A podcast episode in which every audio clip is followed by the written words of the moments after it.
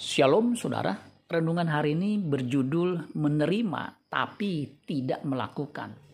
Kisah para Rasul 7 ayat 53. Kamu telah menerima hukum Taurat yang disampaikan oleh malaikat-malaikat. Akan tetapi kamu tidak menurutinya. Menerima hukum Taurat tapi tidak melakukannya sama juga bohong. Ini sama dengan kisah anak yang berkata iya kepada ayahnya tapi tidak melakukan yang disuruh Matius 21 ayat 28 sampai 31. Tetapi apakah pendapatmu tentang ini? Seorang mempunyai dua anak laki-laki.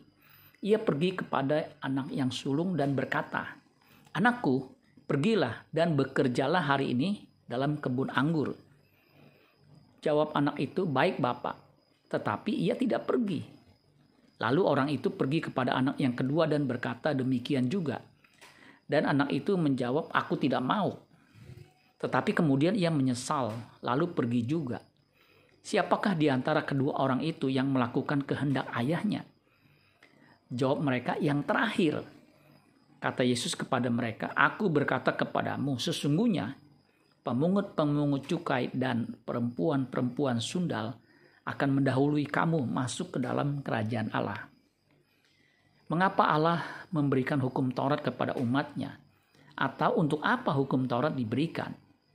Ada yang menjawab supaya umat Allah bermoral baik. Alkitab mengatakan dalam Roma 3 ayat 20 sebab tidak seorang pun yang dapat dibenarkan di hadapan Allah oleh karena melakukan hukum Taurat.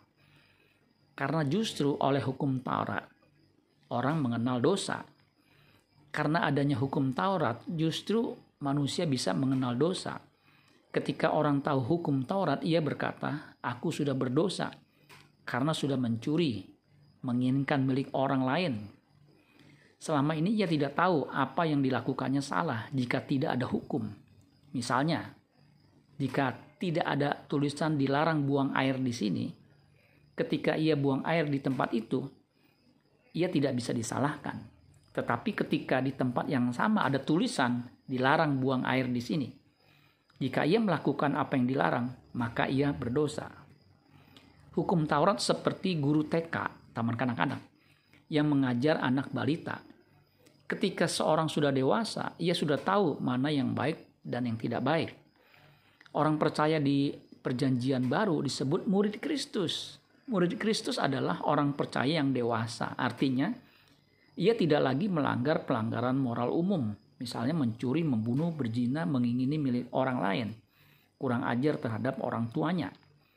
Jika orang percaya masih melanggar pelanggaran moral, berarti ia belumlah orang Kristen dewasa. Kristen adalah seperti Kristus yang kesalehannya melebihi kesalehan ahli Taurat dan orang Farisi. Jadi orang Kristen seharusnya orang yang unggul dalam hal moral. Amin buat firman Tuhan. Tuhan Yesus memberkati. Sola Gracia.